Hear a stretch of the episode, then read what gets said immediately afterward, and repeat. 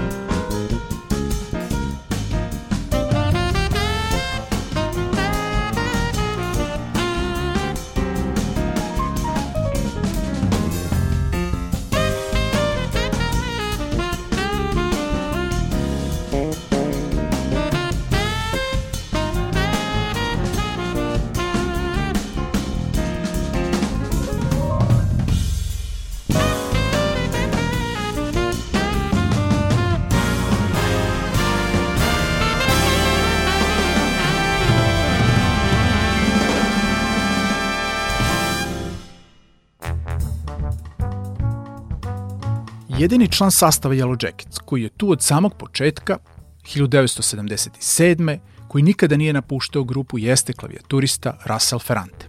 Drugi postažu je saksofonista Bob Mincer, koji se sastavu priključio 1991. godine. Zatim tu je bubnjar, povratnik William Kennedy, član u periodu 1987. do 1999. i sada ponovo od 2010. godine, i najmlađi i po godinama i po članstvu je australijski basista Dane Alderson, koji se bendu priključio 2015. godine. Ovo 25. po redu autorsko izdanje obeležava 40 godina od objavljivanja prvog albuma 1981. donosi novo aranžmansko viđenje njihovih poznatih kompozicija, ali i nekoliko novih pisanih upravo za ovaj album. U nastavku emisije uživat ćemo kompozicije Russella Ferrantea i aranžmanima Boba Mincera. Prvo slušamo dve nove, One Day i Tokyo Tale, a potom dobro poznatu Imperial Strut sa njihovog debitanskog albuma iz 1981. istoimenog naziva Yellow Jackets.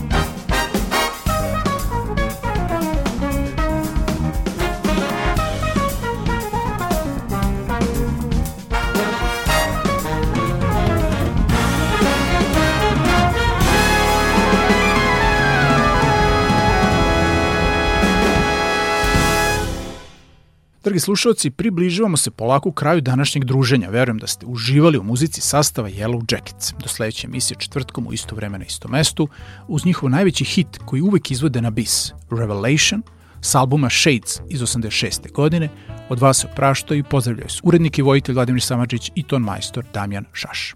Prijetno!